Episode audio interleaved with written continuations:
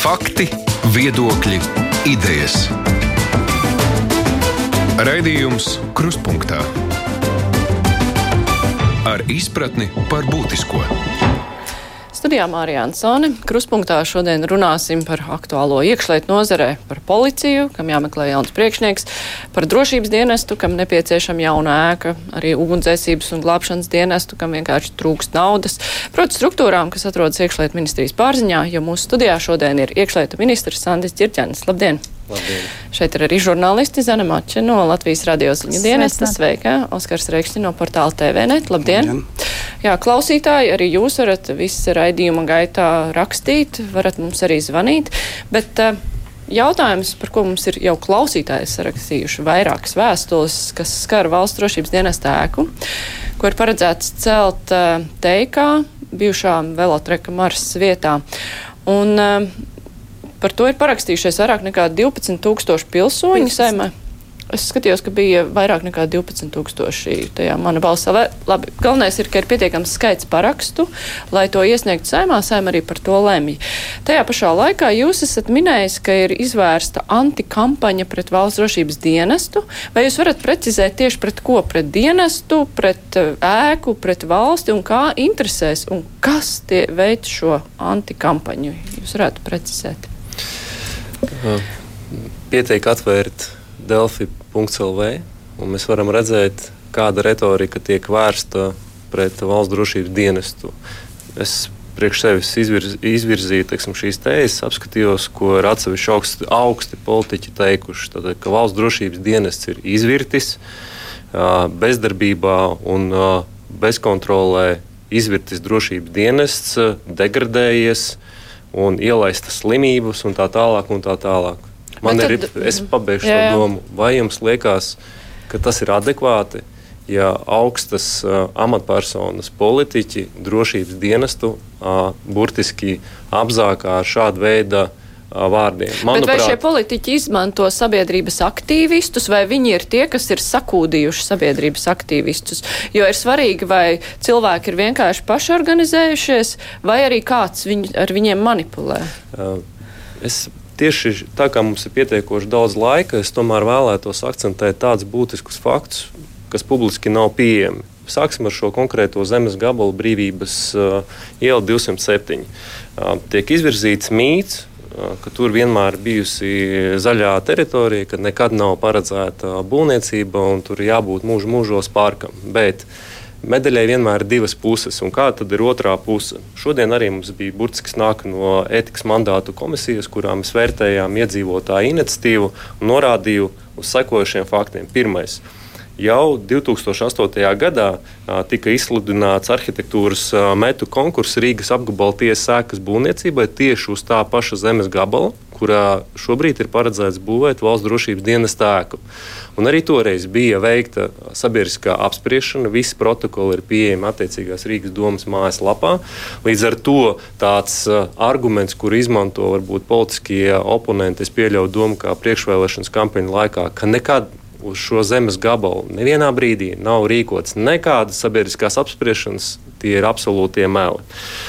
Uh, otrais svarīgākais aspekts, uh, ja mēs skatāmies šo Rīgas teritorijas plānojumu, pirmkārt, Rīgas teritorijas plānojums ir Rīgas domas kompetence. Un ne jau iekšlietu ministrija un arī ne valsts drošības dienas nodarbojas ar Rīgas teritorijas plānošanu. Valsts nekustamo īpašumu aģentūrai bija jālūdz mainīt uh, zemes izmantošanu, jo to var tikai īpašnieks un, un, darīt. Un, un tagad uh, mēs nākam pie tādas vēl vienas ļoti interesantas tēmas, par kuru neviens publiski nerunā. Mēs runājam par uh, rajonu, kas saucās Jaunā Teika. Un, uh, šīs jaunās teikas rajona attīstītājs uh, faktiski iegādājās ievērojamu nekustamā īpašumu apjomu, kur, uz kura attiecīgi bija ievērojama zaļā zona, ieskaitot arī regbija stadionu. Ko izdarīja šis jaunās teikas nekustamā īpašuma attīstītājs?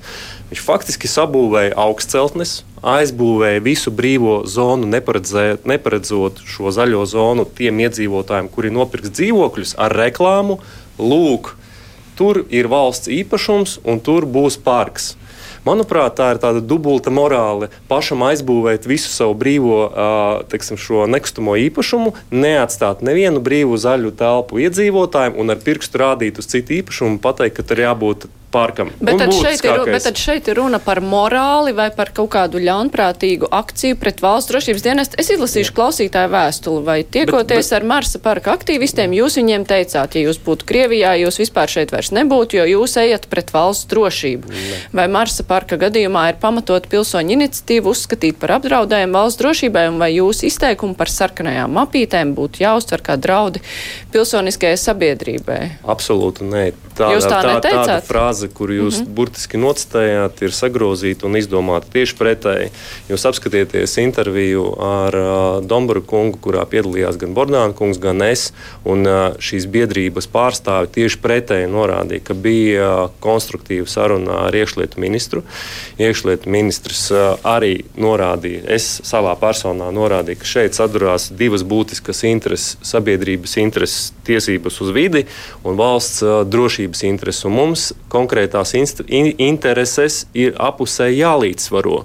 Nevar būt tā, ka ir parks, nav drošības, un ir drošība, nav parka. Tā tas nedrīkst būt. Mums ir jāmeklē risinājumi. Un tagad, burtiski nākot no komisijas, kas ir uh, Saimas uh, ētikas mandāta komisijā, uh, Rīgas dome, faktiski arī reaģējot uz šo situāciju mūsu iniciatīvu, piedāvā alternatīvu risinājumu. Un šis alternatīvais risinājums būtu 2,3 hektāri platībā zemes gabals robežu ielā pie 45. vidusskolas, kurā var līdz 2022. gadam izveidot skvēru.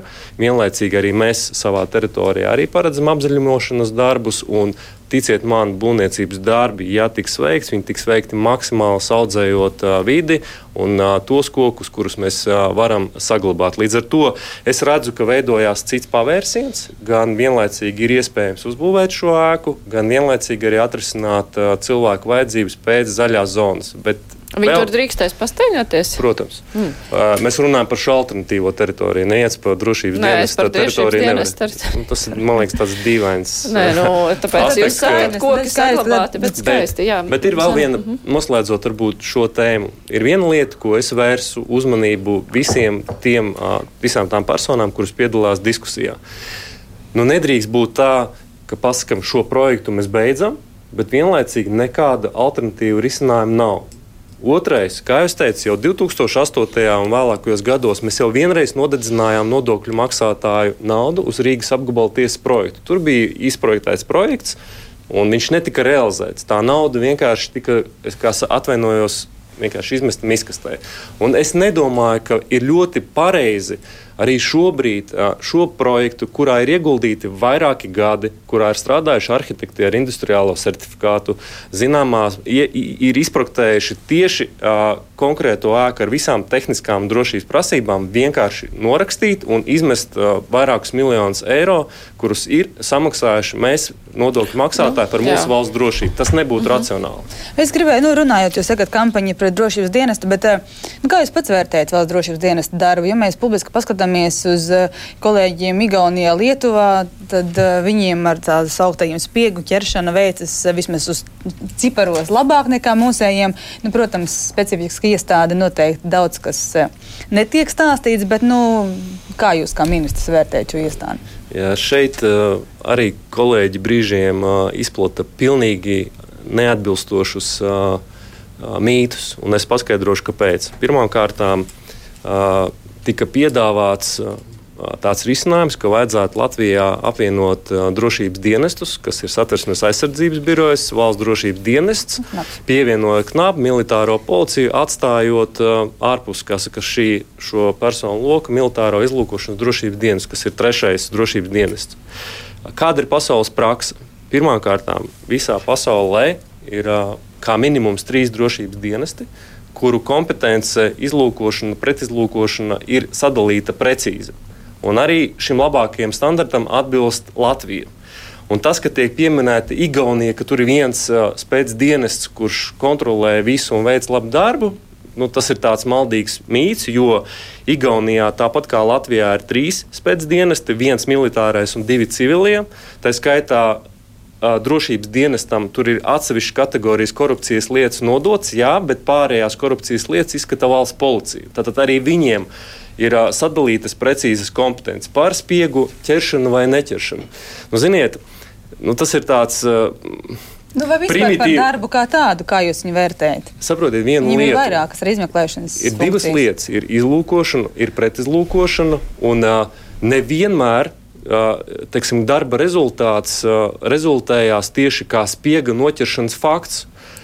Ko es ar to gribēju teikt? Nav krimināla lietas attiecībā uz spiegu, jo spiegi, kā mēs viņus mēdzam dēvēt, viņi strādā arī zem diplomātiskā piesaga.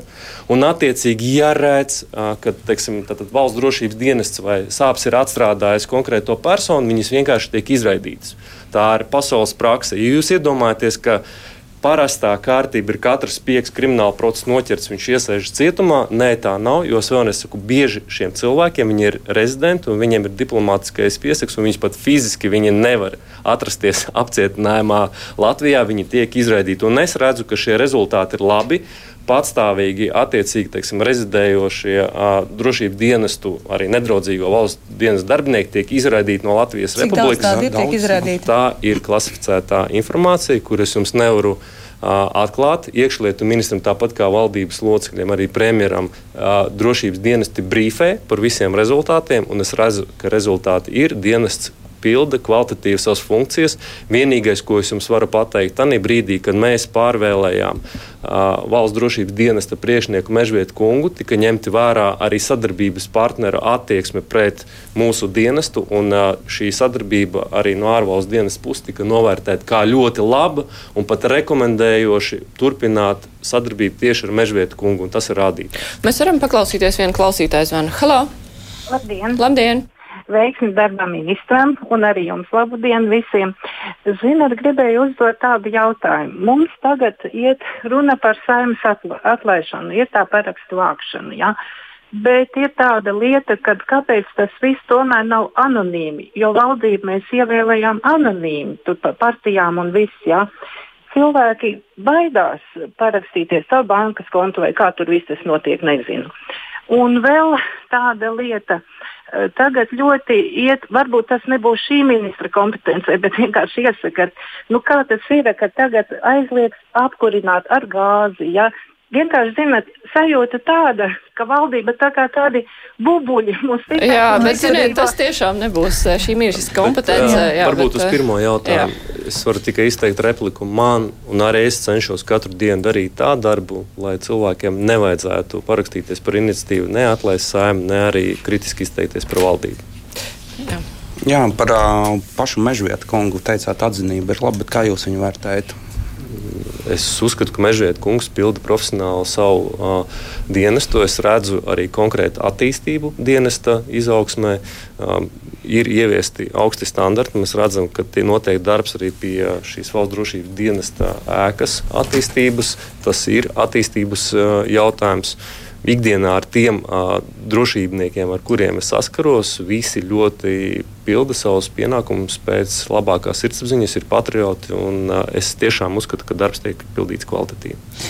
Precizēšu, tātad iepriekš tika teikts, ka par šo tākas būvniecības vietu netiek runāts vienkārši drošības apsvērumu dēļ, lai tur neviens nelabvēlis nekādas darbības neveiktu, vai šobrīd visiem publiski zināms, kas tur taps, vai šobrīd šo teritoriju apsargā? Ne, nu, redziet, nu, publiskajā telpā tiek izvirzīti daudzi absurdi argumenti. Nu, kā viens no piemēriem, arī biju diskusijā pie Dombra kunga, iekšlietu ministram tiek lūgts izskaidrot, kur atradīsies valsts drošības dienas automašīnas, vai kāds ir teritorijas labiekārtojuma plāns. Mīļie cilvēki, tā ir klasificētā informācija, projekts ir uh, noslapenots un būtu diezgan dīvaini, ja es kā iekšlietu ministrs vai valsts drošības dienas nāktu un publiski vērtu vaļā šo tehnisko projektu un rādīt visas tehniskās Bet bija jēga vietas atrašanās, Jā. vietu turēt slepenībā, agri vai vēl to tāpat uzzināt.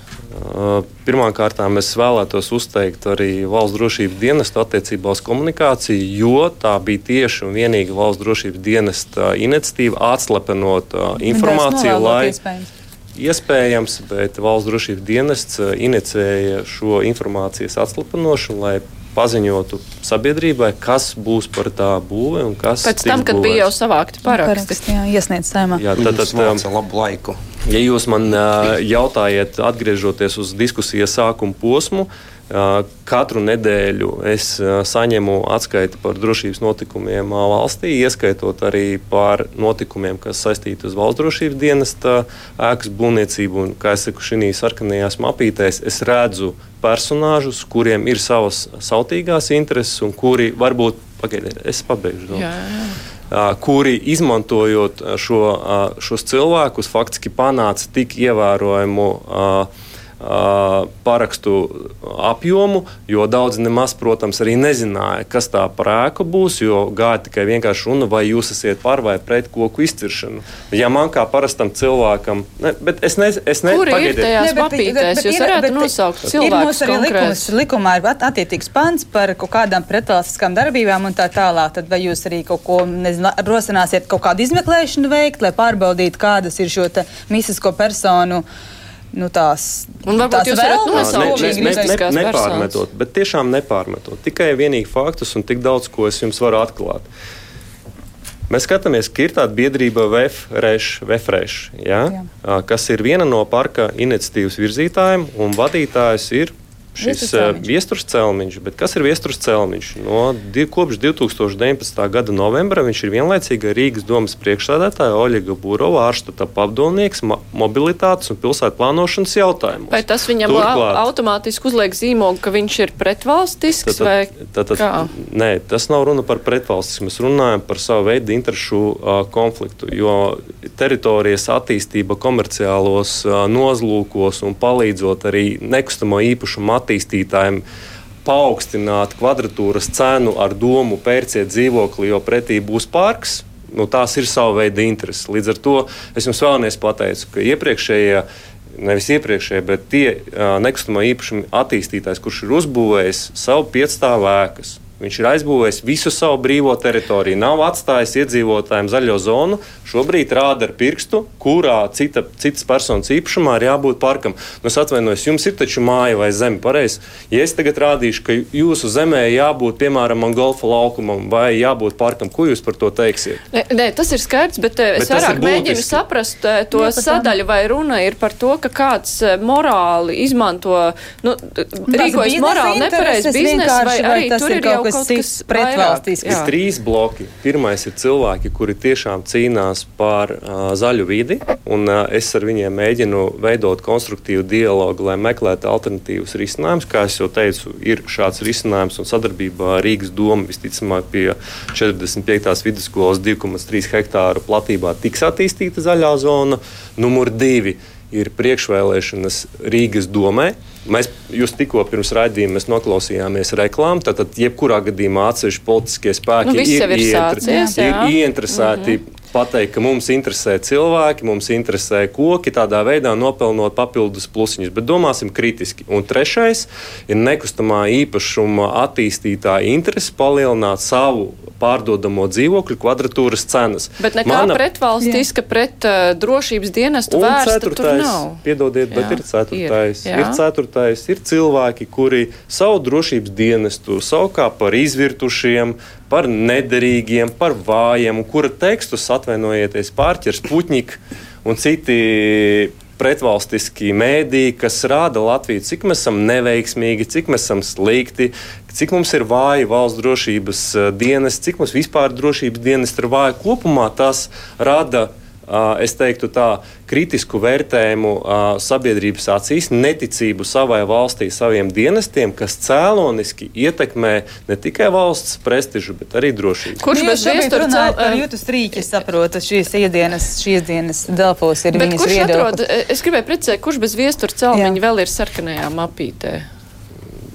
Tad, kad jums būs pielaide pie valsts noslēpuma un attiecīgā amatā, tad jūs varēsiet Bet tas ielūkoties bet celmiņš tur ir tajā mapītē. Šī informācija ir uh, atklāta, bet es runāju vēl par citiem uh, personāžiem, kuru pe- personības es nevaru jums atklāt. Bet vēl vienreiz saku, es nepārmetu ne kaut ko Burokungam, ne Celmiņa kungam, ne pārējiem, kas attiecīgi uh, ir uh, šīs teiksim, iniciatīvas, nu, Burbuļkungs, ne, Burbuļkungs arī ir faktiski risina pilsētu plānošanas jautājums, runā par tām biedrībām, kuras šobrīd cīnās par uh, zaļo zonu. Mums Tā vēl galvenā doma, jā. ko es jums gribēju pateikt, mēs kā iekšlietu ministrija un valsts drošības dienests esam ķilnieki konkrētajā situācijā, jo mēs nenodarbojamies ar pilsētas plānošanas jautājumiem. Ne man, Nu, labi, ne Mežvieta kungam, ne. Mežvieta kungam, viņam nav jārisina parku jautājumi. Tas ir Rīgas ā, pilsētas kompetences jautājums, un es domāju, šī problēma tiks atrisināta. Jā, mums ir klausītājs jau pieslēgts ēterā. Halo! Halo. Labdien, lūdzu! Lietuvas, Igaunijas un Polijas speciālajie dienesti ķer Krievijas priekšu un atmas ko paši noderējis. Pēc, pēc kā mums tāda dienesta? Lai salauztu roku Latvijas patriotam Gantīņa kungam, vajāt Latvijas patriotu Igor Šiškinu, ja lai mīklainos apstākļos nomiet Latvijas patriots Ulus Veimans. Jūs Jā, nu, redziet, es kungam varbūt uh, pateikšu, kāpēc, kāpēc vajadzīga La- Latvijā armija. Mēs taču varam varbūt atteikties no armijas. Kāpēc mums jātērē 2% no sava uh, iekšzemes koprodukta uh, nacionālajiem bruņotajiem spēkiem? Tad jums jāsaprot viena lieta. Ārējā un iekšējā drošība ir vienota dimensija, un katrā valstī, lai mēs dzīvotu brīvā, demokrātiskā valstī, ir vajadzīgi gan savi nacionālajie bruņotie spēki, ir vajadzīgi drošības dienesti, kuru pienākums ir iegūt informāciju, apsteidzošu informāciju, lai ar viņu varētu strādāt valdība un pati dienesti. Trešais - tas ir tiesības sargājušās iestādes. Uh, un uh, pārējās uh, institūcijas, kuras uztur iekšējo kārtību un cīnās ar organizēto noziedzību. Ja šo institūciju nav, tad mēs varam uzskatīt, ka mums pastāv ļoti liela riska pazaudēt savu valsti. Cerams, klausītājiem viss skaidrs. Oskar! Par pašu ēku ir izskanējis iepriekš arī, ka paši aktīvisti būtu gatavi pieķēdēties pie kaut kādiem nu, gal, galējais līm, līmenis un tam līdzīgi.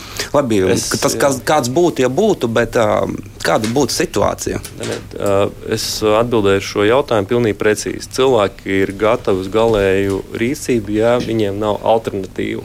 Un sežot burtiski pie viena galda arī ar gan biedrības pārstāvjiem, gan tiem cilvēkiem, kas cīnās par šo zaļo vidi, es viņus ļoti labi arī saprotu. Un līdz burtiski šīm dienām, kad ir šis alternatīvas risinājums, viņiem jau nebija cita alternatīva risinājuma. Pēc konkrētās sēdes, ko es jau minēju, ētikas mandātu komisijā, manuprāt, cilvēkiem acīs arī mainās šī apziņa, ka var būt savādāk, ka ir citi risinājumi, un varbūt viņi, viņi, viņiem apmierinās uh, alternatīvais risinājums. Es tiešām ceru, ka līdz pieķēdēšanai pie kokiem nenonāks. Uh, Kā iekšlietu ministrs un arī drošības dienests, mēs darām visu, lai cilvēki nu, nu, teiksim, nebūtu tādā bezzies stāvoklī. Mēs skaidrojam uh, savu pozīciju un vienlaicīgi arī meklējam nu, teiksim, alternatīvus risinājumus, kā nodrošināt šo zaļo zonu citā teritorijā, kas, starp citu, Rīgā ir pieejams. Tuvākajā apkārtnē. Es gribētu pie jauna temata. Mēs līdzās esam februārī, mēs līdzās paliksim bez policijas priekšnieka. Uh, jūs teicāt, ka jums būs darba grupa, kur jūs lemsiet, ko darīt ar šo mm, priekšnieka meklēšanu, to kārtību mainīt, nemainīt. Koalīcija jūs nav atbalstījusi par konkursu ideju. Nu, kas, kas mums notiek tagad ar to policijas priekšnieku? Jā, paldies par jautājumu. Es varbūt arī man visu laiku jāsāk ar mītu apgāšanu. Publiskajā telpā tika izskanējis tāds nu, tēze, iekšlietu ministrs mīkstina prasības uz valsts policijas priekšnieka amatu. Absolūti nē. Ā, Mēs pat tikāmies ar premjerkungu. Es viņu iepazīstināju ar dienesta gaitas ā, likuma regulējumu, savu piedāvāto likuma normu. Arī premjerkungs atzina, ka faktiski iekšlietu ministram ir ā, taisnība. Šobrīd ā, dienesta gaitas likums ā, ierobežo ā, kandidātu loku, kas būtu kvalificēti, kuri piemēram kaut vai līdz deviņiem gadiem būtu strādājuši valsts policijā un pēc tam turpinājuši savu darbu prokuratūrā vai tiesā. Tātad šobrīd dienesta gaitas likums neatļauj pat prokuroram vai tiesnesim, kurš iepriekš strādājis valsts policijā, kandidēt uz valsts policijas priekšnieka amatu. Manuprāt, tas ir diezgan absurdi. Bet uh, tas, ko es piedāvāju, tikai no esošā uh, amatpersonu loka izvēlēties, lai būtu šis plašāks lokus, noņemt desmit gadu uh, slieksni, tad pieredzi valsts policijā. Tad var kandidēt, tad ir mums tā no majora līdz ģenerālim. Var kandidēt persona ar darba stāžu zem desmit gadiem, jo šāda desmit gadu stāža esamība ir atzīta nu, faktiski par pretiesku arī no satversmes tiesas nolēmuma atziņām, jo jāskatās ir kvalifikācija, nevis nostrādātais uh, gadu skaits. Un arī šādi desmit gadi pat nav paredzēti kaut vai ieslodzījuma vietu pārvaldes priekšniekam. Arī iekšējās drošības biroja priekšniekam nav paredzēti desmit gadi. Tad tā kopumā doma, es gribēju teikt, ka es vēlējos tikai vienīgi paredzēt tādu normu, kas būtu sabiedrības labā, lai izvēlētos kvalificētāku, profesionālāku valsts policijas priekšnieku un no esošo no esošā dienesta uh, ietvariem. Nu, kā mēs zinām, tad, piemēram, attiecīgu pakāpi var būt cilvēks, kurš strādājis policijā, nezinu, 20 gadus, bet viņš ir bakalaurs un atnāk jauns darbinieks, kurš, Pilnīgi ir, pareizi. kurš ir maģistrs, viņam uzreiz ir citi pagoni. Līdz ar to nu, tā, tā pieredze, pieredze ir jābūt tiem kaut kādiem nostrādātiem laikam, nevis vadīties tikai pēc tā, kas viņam ir uz pleciem. Ne par to ir stāsts. Tad, tad uh, esošais regulējums paredz, ka valsts par valsts policijas priekšnieku var būt tikai no esošā sastāva amatpersona, no, augstākā, no vecāka vai augstāko amatpersonu loka ar desmit gadu pieredzi. Tātad no majora līdz ģenerālim, bet Atbilstoši esošai teiksim, uh, situācijai, katra amata pakāpe, piemēram, majors, ir piesaistīts konkrētam amatam ar konkrētām prasībām, kvalifikāciju. Pulkvedim faktiski ir augstāka kvalifikācija, un arī viņa pakāpe ir piesaistīta augstākam amatam. Tātad realitātē esošais regulējums nepieļauj situāciju, ka majors varētu pārlikt, piemēram, pulkveža leitnantam, pulkvedim vai ģenerālim. Līdz ar to es vienkārši norādu pēc fakta, ka mēs runājam par ierobežotu personu loku, kas vispār var kļūt par valsts policijas uh, priekšnieku. Vai tas ir labi vai slikti, sabiedrība lai vērtē, un jebkurā gadījumā tuvākajā laikā vai nākotnē es uzskatu, ka tās personas, kuras ir strādājušas valsts policijā un turpinājušas dienestu prokuratūrā vai tiesā, arī viņām ir jābūt tiesībām kandidēt uz valsts policijas priekšniekām. Bet tagad divi uzvārdi ir izskanējuši publiski, kuri varētu būt jaunie policijas šefi. Nu, uh, par, uh, ir, ir skaidrs, nu, līdzās mums būs. Tā ir vēl viena tāda lieta. Jā, starp citu, bija vēl viena tāda nianse. Vai iekšlietu ministrs Sandrs Girņins bīda savus uh, paziņas uz valsts policijas priekšnieku amatu? Absolūti mēli, murgs, nezinu, atvainojiet par šādu terminoloģiju, jo esošā at, atkal dienesta gaitas likums paredz kādu kārtību, ka iekšlietu ministrs pats personīgi sastāda vērtēšanas komisiju, kura izvēlas valsts policijas priekšnieku iespējamo potenciālo, un es manuāli šo kandidatūru virzu uz ministru kabinetu, kuru ministru kabinets vai nu akceptē vai noraida. Tātad tas nav mans subjektīvs lēmums. Nav iespējams, jā, bet, bet Zana vaicāja par konkrētiem, par jau nosauktiem cilvēkiem, kas ir parādījušies. Grišins un Šulcis, saprotu. Tad, tad dienestā strādā profesionāli cilvēki ar uh, pietiekošu lielu izdienas laiku, lai viņi būtu potenciālie kandidāti uz valsts policijas priekšnieka amatu. Bet mans uzdevums atbilstoši esošai kārtībai, es jau esmu sagatavojis dokumentāciju konkursam, sauksim tā teiksim, šai komisijai, kura attiecīgi izvēlēsies vienu no atbilstošākiem kandidātiem, kurus virzīšu uz ministru kabinetu, nosaukt vārdu viens vai otrs, tas nebūtu pareizs. Tas ir komisijas kompetence. Savukārt, vēl joprojām līdz 10. februārim amata pienākums pilda Čuža kungs, un tas nekad nav bijis pareizi komentēt kādu jauno potenciālo iespējamo priekšnieku, kamēr nav dienas gaitas valsts policijā priekšnieka amatā. Lai gan ir zināms, ka viņš kad būs tas. Kas šajā komisijā būs, saprotu?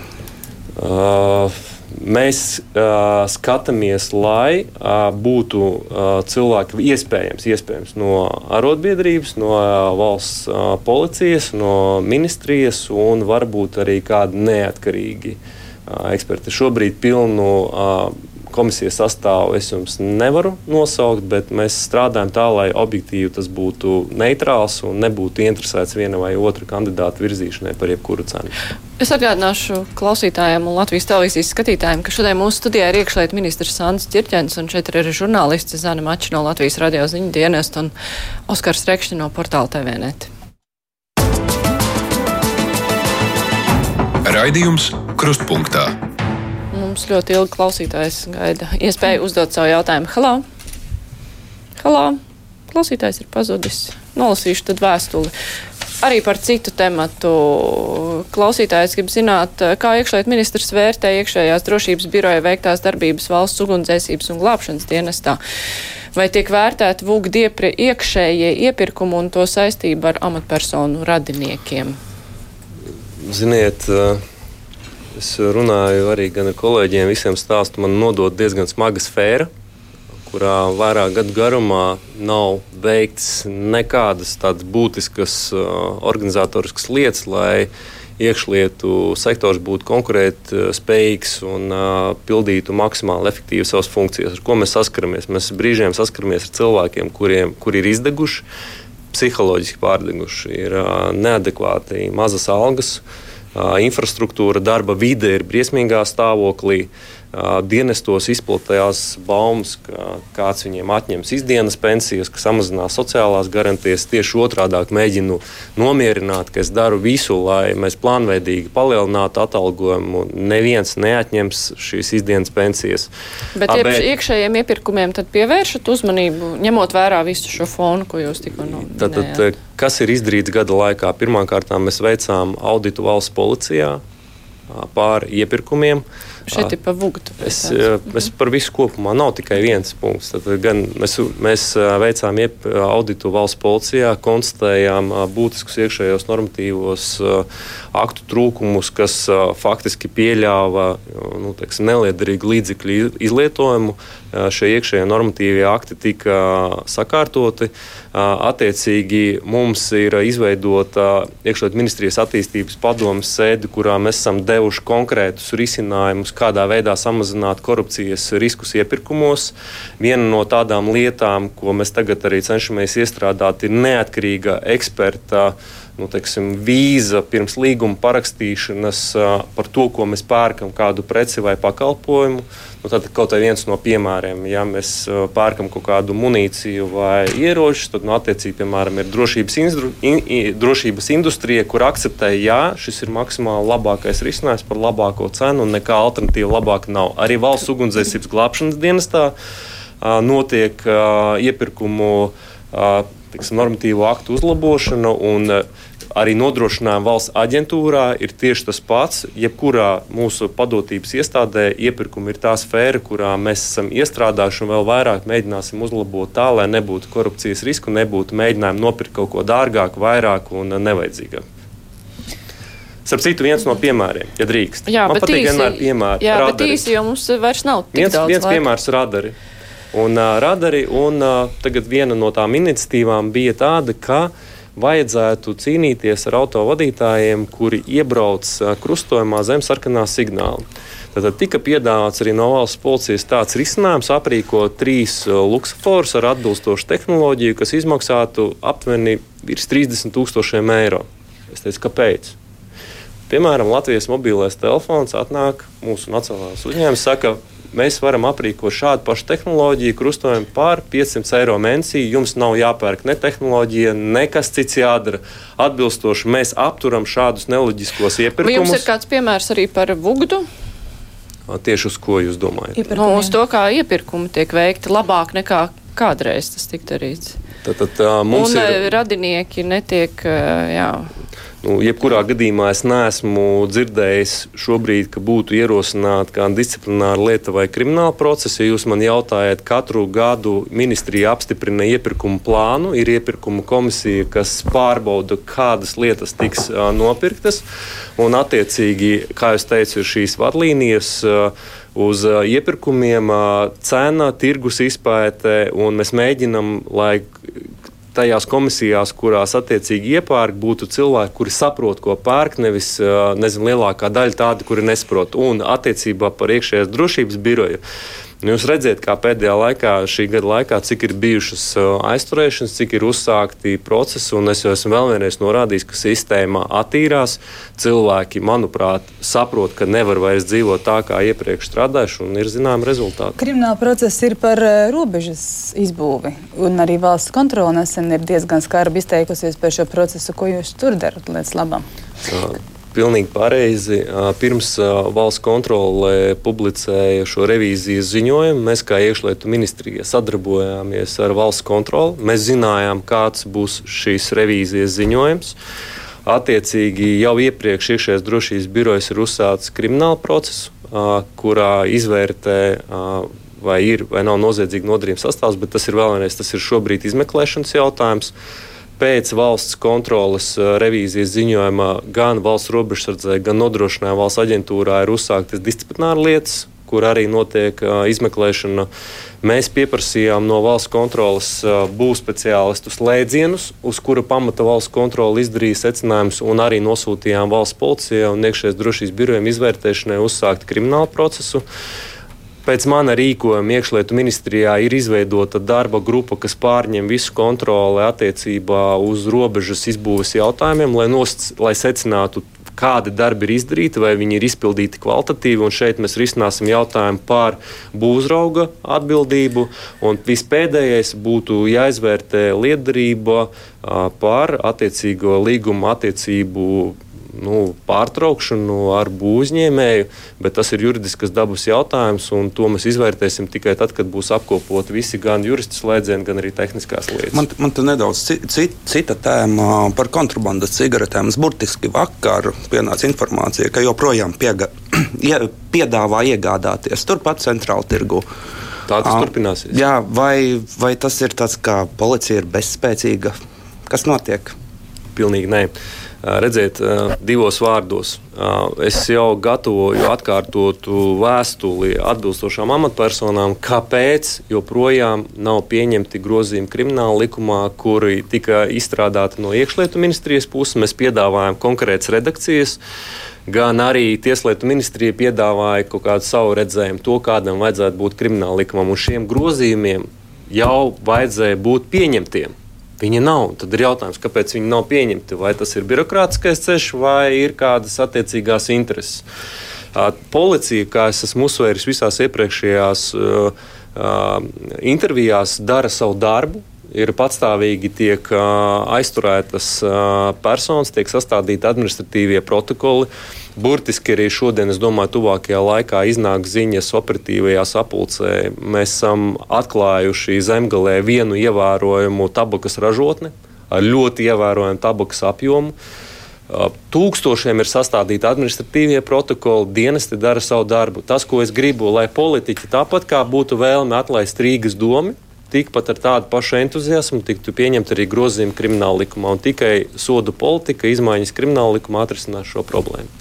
Kur ir viņi, kur šeit bija tieši šie grozījumi? Kur Komisijā. Komisijas? Jā. Tad par, arī par izmaiņām runājot, administratīvais eh, notiks izmaiņas ar administratīvo pārkāpumu kodeksu, kā mēs zinām. Un, uh, to arī Čuzas ir teicis, ne tikai viņš. Uh, nu, mums valstī ir tāda precedentu likumdošana dažreiz.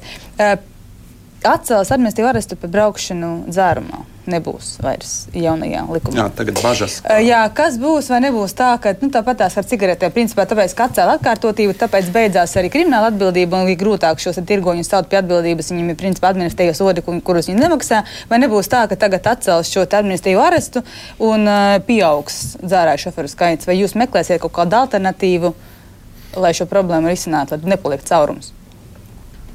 Man tas uztrauc un esmu norādījis, ka administratīvās atbildības likums neparedz administratīvu arestu. Es negribētu piedzīvot situāciju, ka 1. jūnijā dzērāju šoferi var mierīgi braukāt. Tas absolūti nav pieņemams, un es nezinu, kāpēc šī kļūda joprojām nav izlabota. Otrais svarīgākais aspekts, kas Latvijā, par ko es arī vienmēr runāju, mums ir tā tendence Likums, piemēram, tā strādā ļoti labi Latvijas administratīvā pārkāpuma kodeks. Visiem viss ir skaidrs, visas sistēmas darbojas, sodu reģistri pārējais, un pēkšņi mēs izdomājam, mums ir jāmaina jauns likums. Man nav iebildumu, bet tikai ir viens, viena problēma. Kāpēc mēs to visu nesaplānojam līdz pat pēdējiem teksim, gala ierīcēm valsts policijā? Burtiski pirms divām nedēļām mums bija diskusija turībā, kur bija gan Tieslietu ministrija, gan augstskolas pārstāvji, gan eksperti valsts policijas. Mēs klausījāmies, kāda mums būs dzīve pēc tam, kad stāsies spēkā administratīvās atbildības likums. Un es norādīju Tieslietu ministrijai, likums ir, bet policistiem nav gala ierīču. Viņiem nav planšetes, viņi nevar izprintēt protokolu. Brīžiem uz ceļa nav interneta. Es saku, kā jūs stādāties priekšā, kā mēs realizēsim jūsu pieņemto likumu? Tā nav mūsu problēma, mums ir likums. Nu, tāda ir realitāte. Otrais, pēdējais arguments. Pagājušā uh, 2020. gada budžeta ietvaros es valdībā norādīju uz šo, man liekas, absurdu, ka stāsies spēkā administratīvās atbildības likums, bet mums nav piešķirts finansējums APAS sistēmas uh, programmēšanai informācijas centrā. Tāpēc ministru tā ir tava prioritāte, izvirza savu prioritāti, nu, no saviem iekšējiem resursiem kaut ko nofinansē. Rezultātā man nācās no munīcijas naudas, no munīcijas naudas nofinansēt šo apas sistēmu izveidi, un paldies Dievam, man nesadzirdēja, ka šim, šis likums nestājas spēkā 1. janvārī, bet 1. jūnijā. Nu, vismaz tik daudz sadzirdēju. Līdz ar to kopumā es aicinātu uzlabot ne tikai likumdošanas procesu, bet viņu vajadzētu uzlabot līdz tam līmenim, ka visi procesi ir saplānoti līdz pat gala ierīcēm un apmācīti cilvēki cilvēki. Tad tieslietu ministrijai būtu alternatīva. Nu, Šī gadījumā par dzērānu šoferiem runājot, nu, teiksim, kriminalizēt vispār braukšanu pie stūres reibumā, jo šobrīd atbildība tikai tad, ja ir bez tiesībām braucis. Nu, kam, kam jānāk klajā šo alternatīvu? Ne, nu, mēs norādījām jau šo problēmu, ka nu, viņa pastāv. Mēs lūdzām viņu novērst. Ja jūs prasiet likumdošanas līmenī, likumā un skaidri gaiši norādīts tiesību politiku un sodu politiku Latvijā realizē Tieslietu ministrija. Iekšlietu mēs... ministrija arī ir likumdošanas nu, tiesības. Un par to mēs arī runājam. Mēs ierosinājām gan cigarešu problēmas, kāda tiesību normas ierosinājām. Mēs ierosinājām. Un par šo mēs jūs lūdzām, nevarat ierosināt? Jā, mēs esam aizsūtījuši. Nu. Mēs norādījām, mēs norādījām rakstiskā saimu. veidā, ka ir nepieciešams paredzēt. Tieši uz saimu nu, aizsūtīt priekšlikumus konkrētus.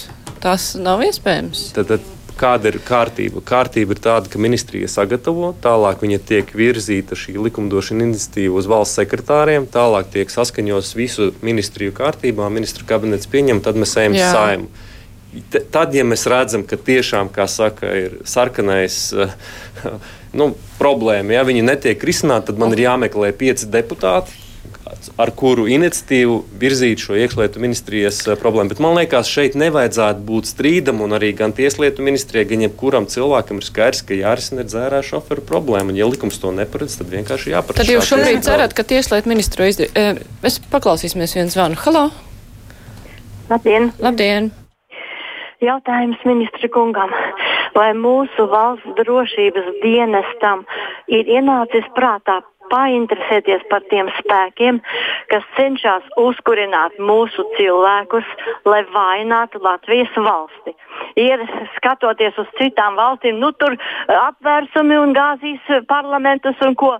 Un mums arī es redzu, ka mūsu valdība, šī valdība ļoti gudri strādā un daudz jaunu uh, ierosmju ir un jau redzama viņu darbība uz resursu saglabāšanu un, un attīstību. Ja? Bet nu tik gāzīs. Ja? Nu, tur noteikti ir kaut kādi spēki, kas kurina šos jauniešus, arī veselības uh, tanī, uh, nu, biedrībā jaunieši. Ja? Viņi nesaprot, ko nozīmē nogāzt valdību, saimu, cik tas maksā valstī un vai labākus dabūsim vietā.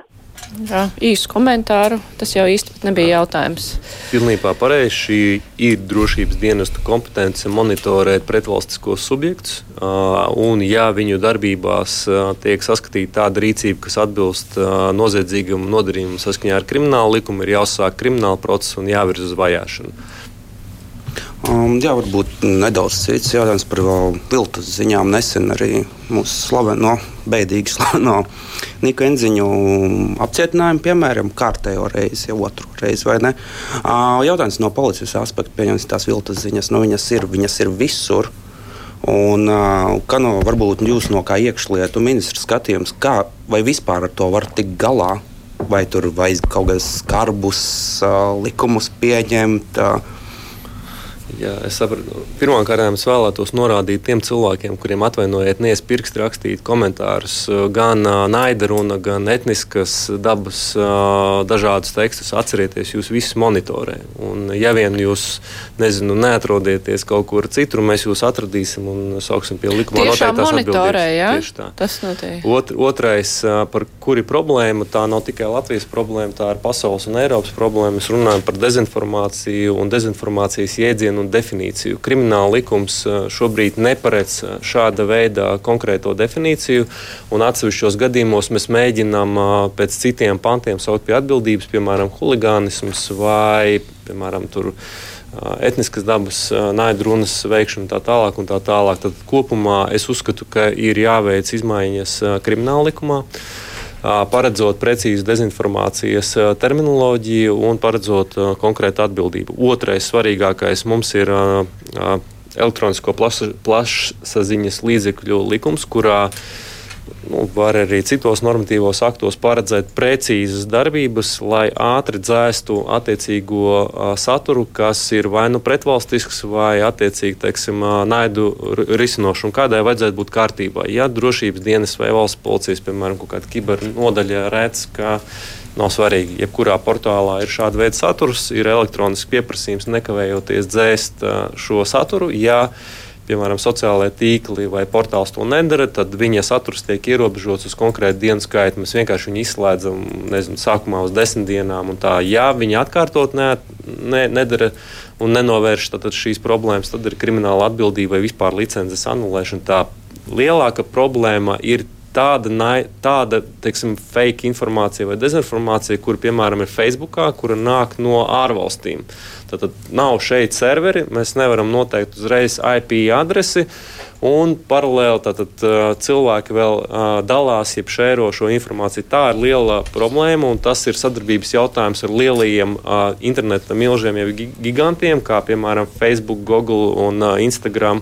Kā ar viņiem ātrāk atrast to algoritmu, kā atrast un izdzēst šo saturu. Tā, tā nav nacionālā nu, teiksim, lieta, ko mēs ātri varam izdarīt. Un ar to īstenībā Eiropā godīgi strādā. Un visbeidzot, pēdējais, ko es, es gribētu pievērst uzmanību, ir vēl viena problēma, par kur neviens nerunā. Un, diemžēl tās ir troļu fermas.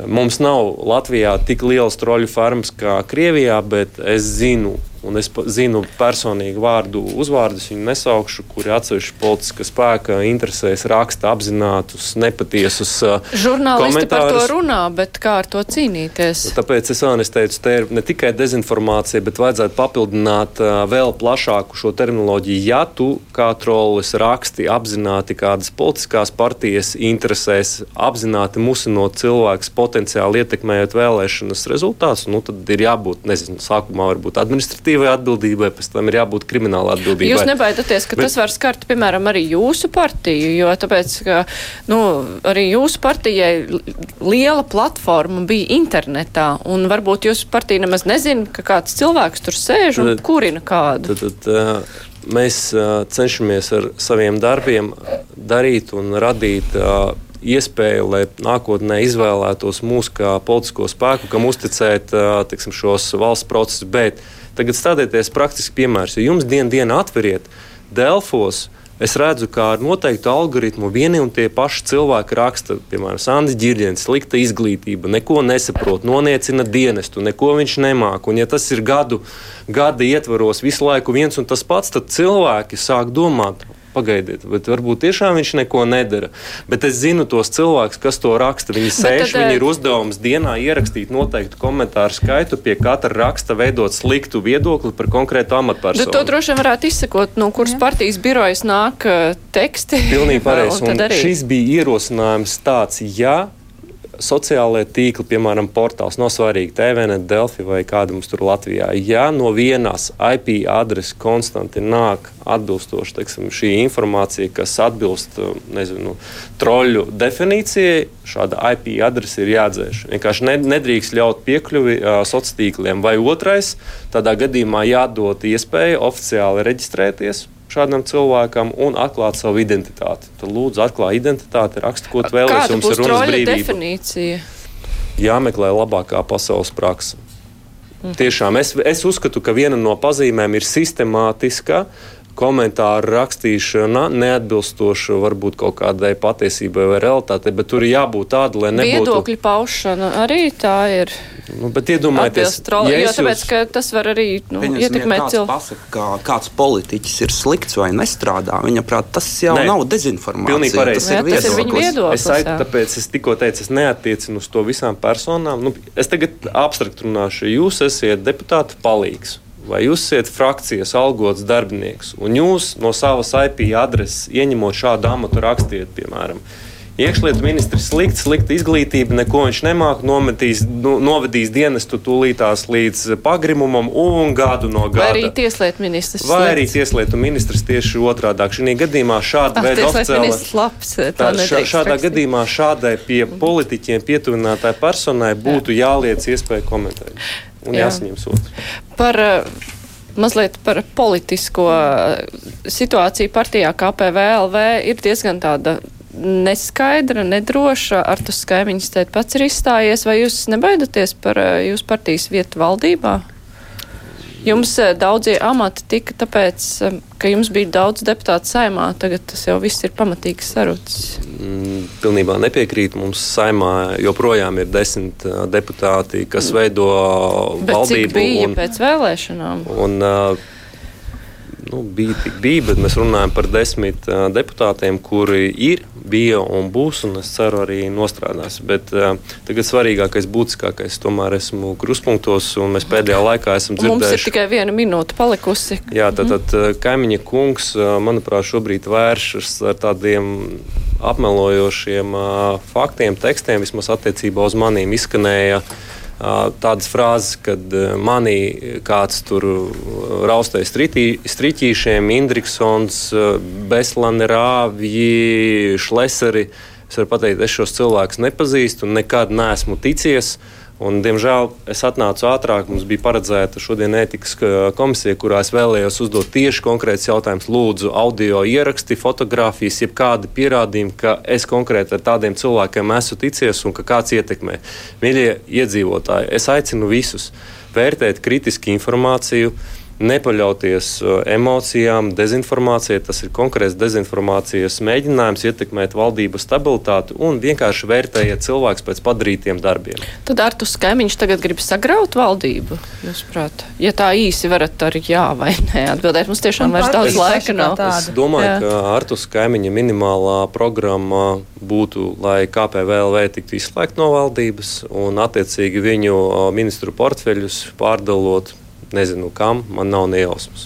Tas ir minimālā problēma. Otrā problēma Jā, mums, diemžēl, laika, vai, laika vairs nav. Mēs skatīsimies, kā šī problēma risināsies tālāk. Bet, es domāju, laiks sniegs arī daudzas atbildes. Man ir jāsaka paldies. eh, Mums ir Bet viena- 15 sekundes viena- palikušas. Es, eh, cilvēkiem, paldies es Sandim cilvēkiem Ģirķinam vēlētos un- novēlēt uh, visu to labāko, un arī, lai mēs kā politiķi izdarītu visu, lai ar mums Jā, varētu paldies Zanai Mačai, paldies, paldies Oskaram Rekšņam no portāla TV Nedzan no Latvijas Rādio raidījuma producēja Junām studijā bija Mārijāns.